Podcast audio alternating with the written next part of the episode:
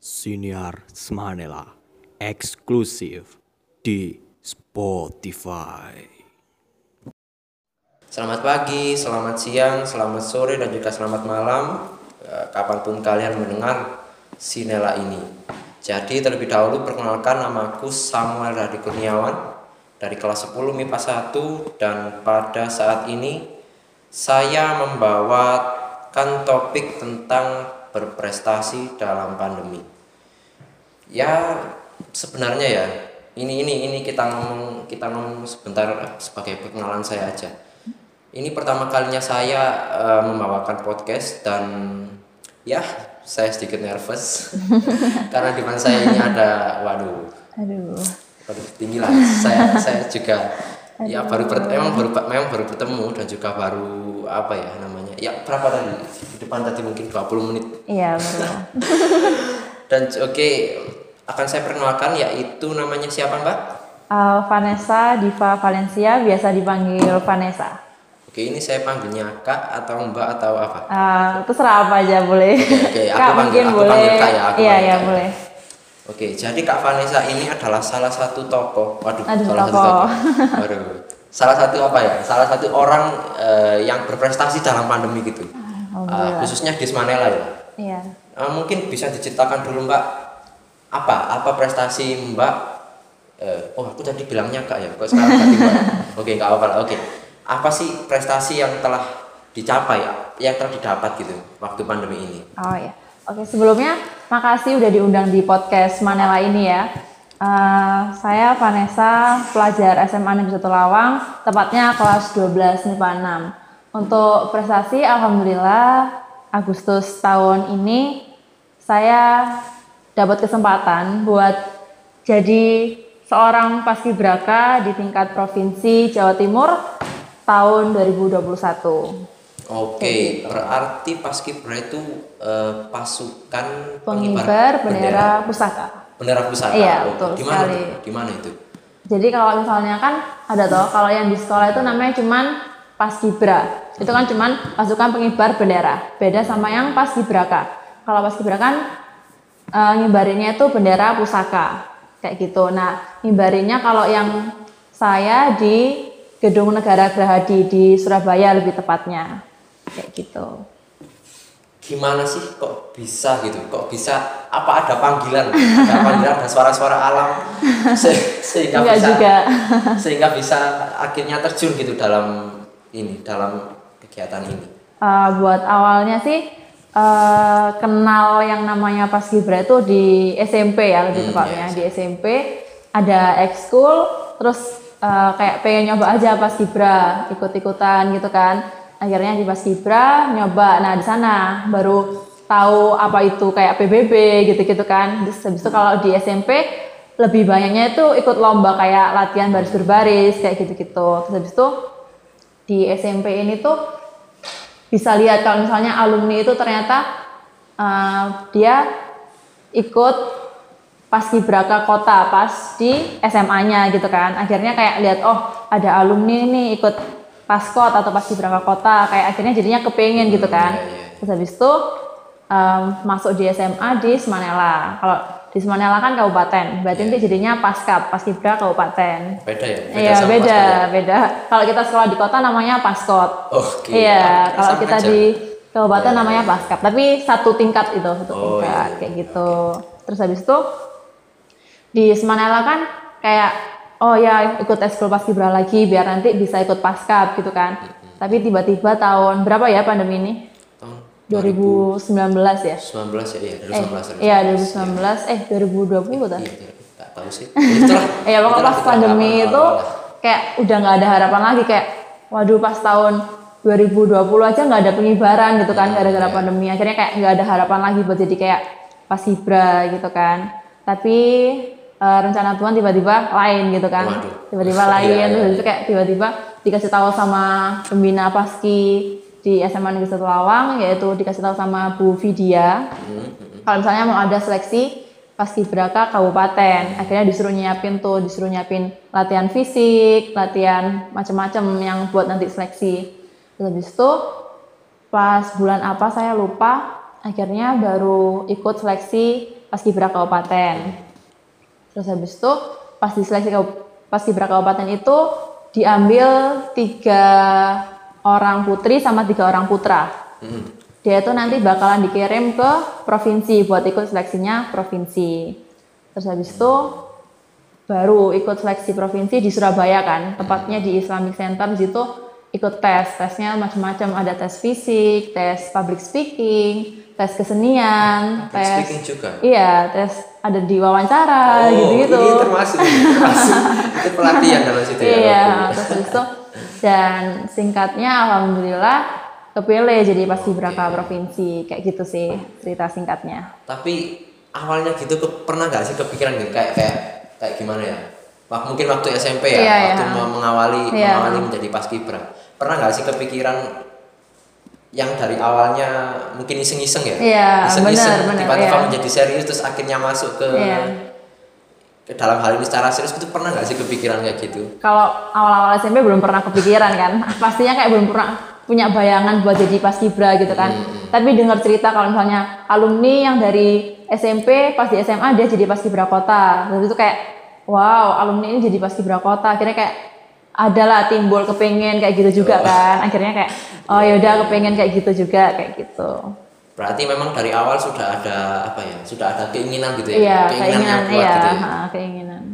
Oke, berarti tadi kan sempat dibilang kalau Iya. ada yang namanya pelatihannya gitu ya. Oh ya ada karantinanya. Oh, karantina. Iya betul sekali. Di karantina itu berarti tinggal di satu Tempat. tempat Ya, gitu secara bersama-sama. bersama-sama Iya. terus lama gitu. Iya. ha. Oh, berapa bulan itu? nggak sampai berapa bulan sih karena mungkin pandemi ya Oh, iya, iya pandemi sih. akhirnya kayak cuman 13 hari aja 13 hari. 13 hari di Surabaya juga karantina di Surabaya sama teman-teman yang lain teman-temannya kan ini dari berbagai kota berbagai kabupaten Iya, juga iya. kan kayak gitu-gitu akhirnya karantina di sana 13 hari Ini aku penasaran ya.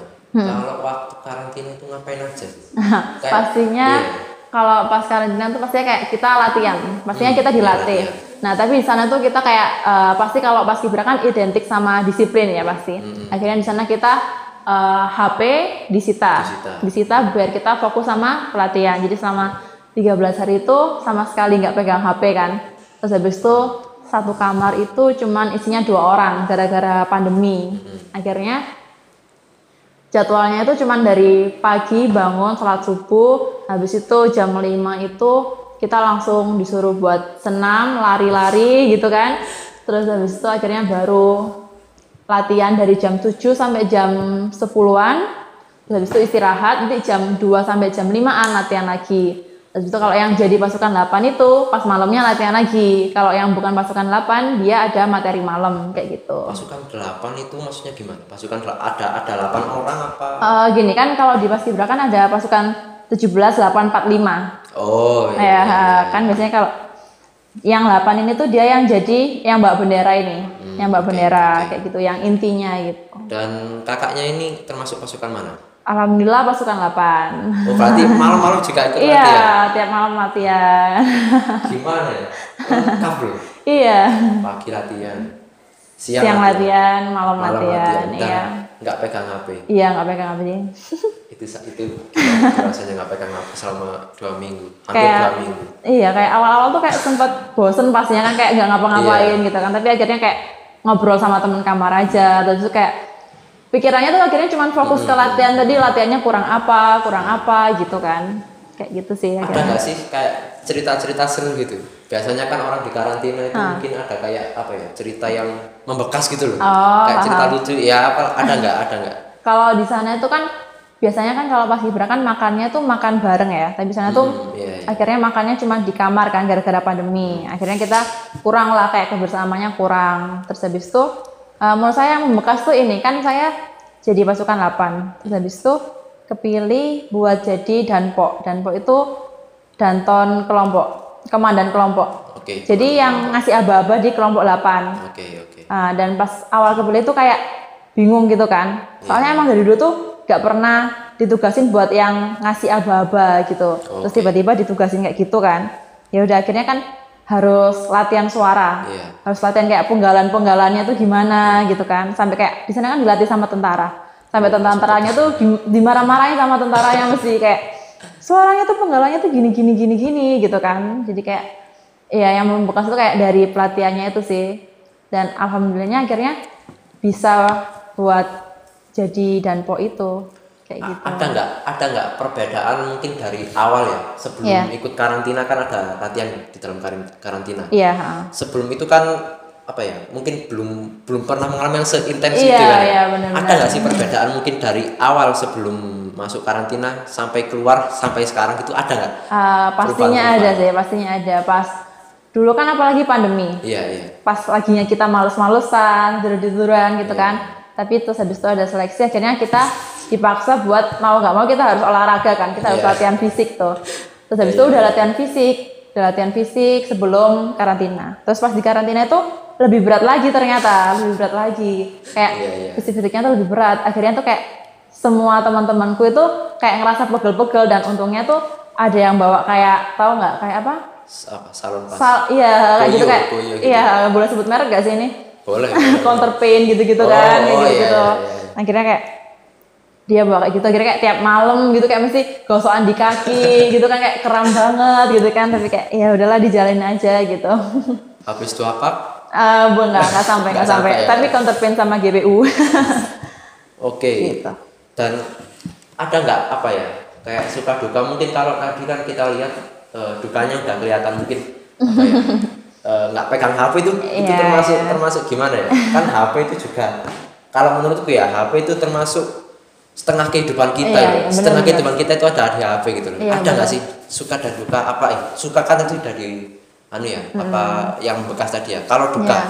dukanya kalau tapi kalau misalnya di sana sih kayak eh, dukanya tuh nggak kerasa gitu Hmm, jadinya iya, iya. kayak lebih banyak sukanya sih di sana tuh kayak bisa ketemu teman dari berbagai daerah kan kayak akhirnya bahasanya beda-beda. Kan walaupun kita Jawa Timur kan bahasa Jawa Oh, iya, loh iya, tapi bahasa iya, Jawanya iya, tuh iya. beda-beda Iya, gitu aneh kan. itu pasti rasanya, aneh itu pasti kayak ada yang dari Pacitan dia mesti ngomongnya pakai kayak manggil kalau bahasa Jawanya kita kan anak-anak itu kan arek-arek gitu Iya, ya. kalau di sana tuh kayak cah-cah gitu-gitu.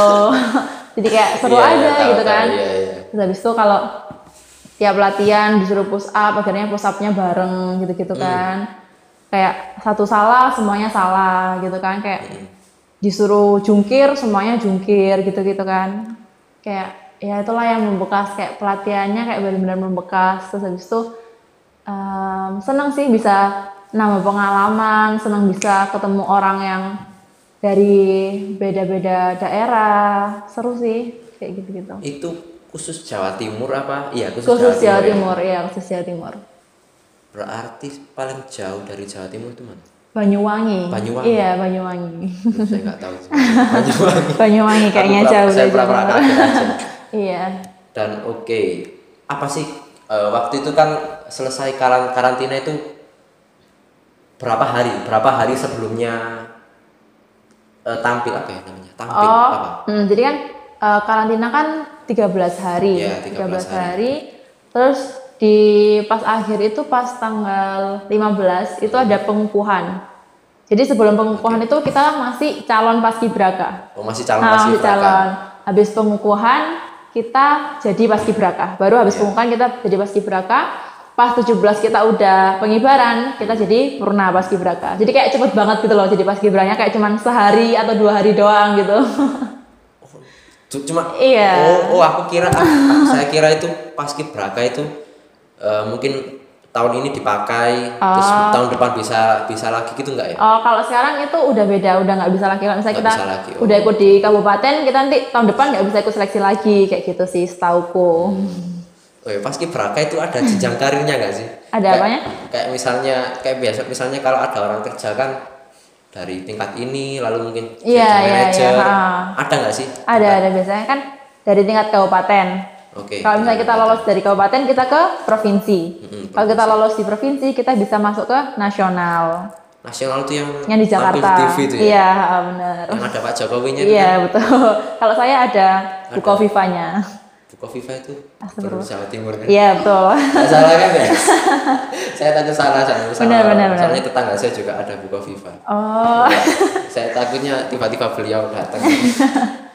iya, betul. Oke, apa sih yang dirasakan waktu mengibarkan bendera ya Oh, waktu iya. mengibarkan bendera itu kan kan pasti namanya orang kan pasti ada nervous Iya, ya benar, ini pasti, saya, pasti. saya sekarang ini ada nervous ini.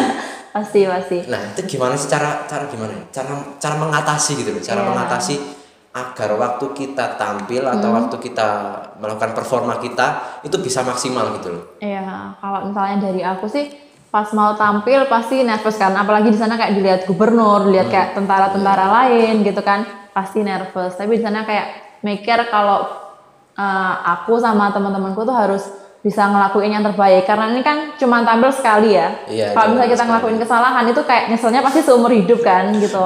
Akhirnya kayak pokoknya fokus sama apa tugas kita itu apa di situ.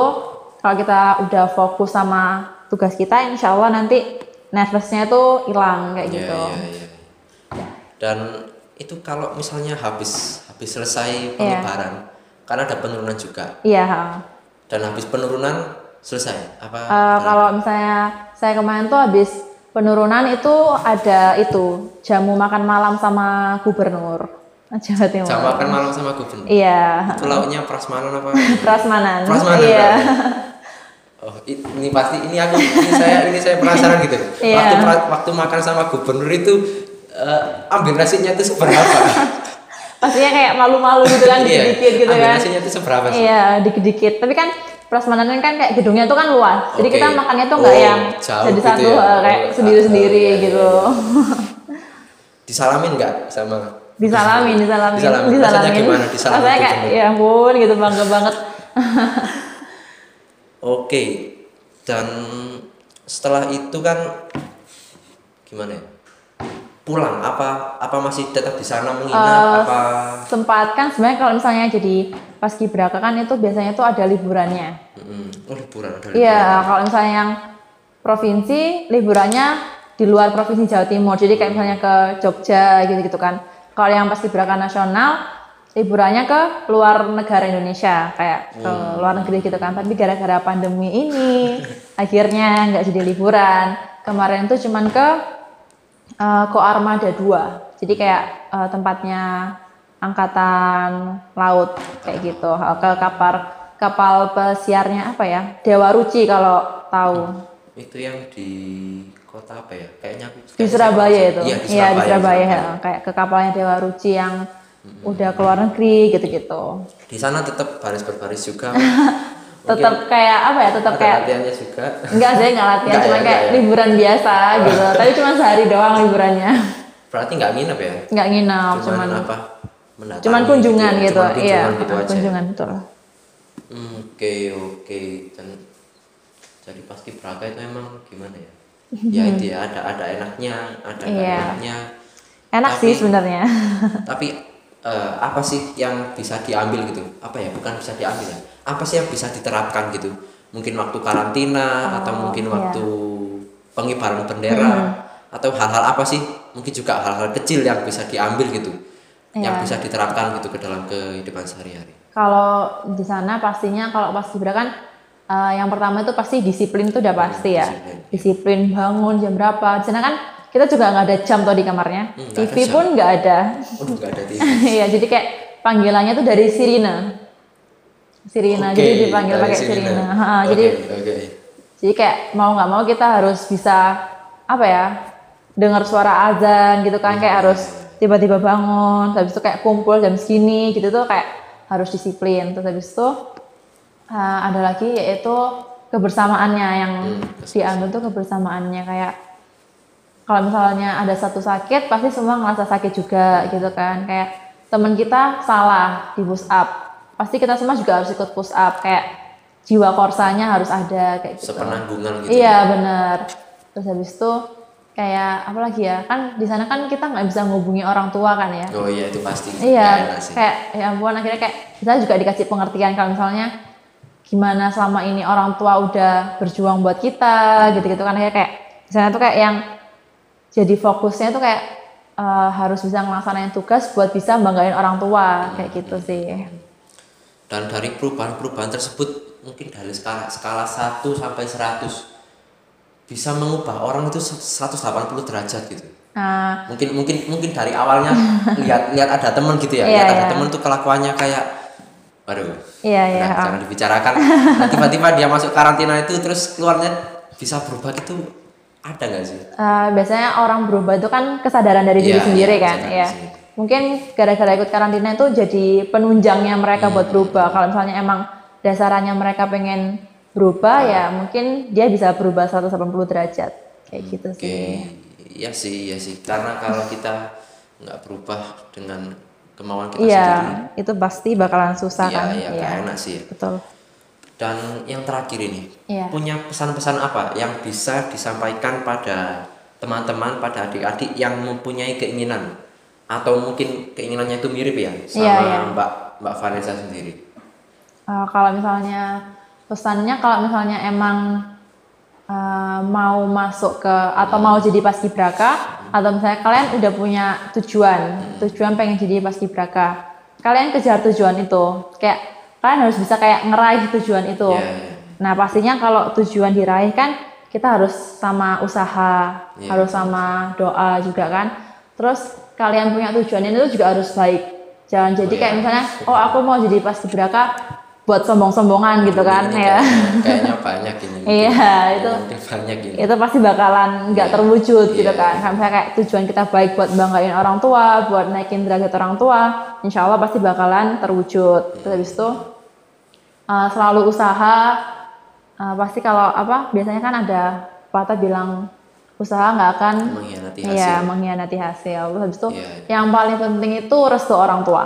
Restu Iya, orang tua tuh, mm, restu restu orang orang tua tuh emang kerasa banget sih setelah aku pas Ibra ini tuh kayak kerasa banget emang restu orang tua itu berpengaruh banget sama Ada- kita. ada kekuatan apa ya? Kekuatan Iya benar. kekuatan magis gitu Iya ya. ada kayak ada orang tuh bilang bukan kita yang hebat tapi doa ibu kita Iya, yang iya, hebat iya, kayak setuju, gitu. setuju, Iya setuju, setuju. Seperti itu. Ya seperti itu teman-teman. Iya. Hmm, apa ya wawancara apa wawancara bincang-bincang kita sharing-sharing. dengan Kak Vanessa Iya. mengenai gimana sih rasanya menjadi paskibraka Iya. ini dan juga apa sih seneng-senengnya apa yang bisa didapat dari situ ya saya harap eh, dari percakapan ini bisa diambil positifnya Iya, amin. Negatifnya juga, ya, dibuang. negatifnya dibuang aja Iya. itu tadi saya ngomong belibet-belibet itu itu biarin aja itu anggaplah angin lalu Iya. dan ya ternyata memang cukup sulit berbicara dilihat ada mas-mas ini di belakang mbak-mbak ya tapi tidak apa-apa yang namanya pengalaman ya kak Iya. seperti kak Vanessa kan Iya, ada benar. pengalaman kan yang kita cari itu pengalaman Iya gitu. benar. Nah, setuju Dengan- kan ya Betul, Oke. setuju banget. wassalamualaikum warahmatullahi wabarakatuh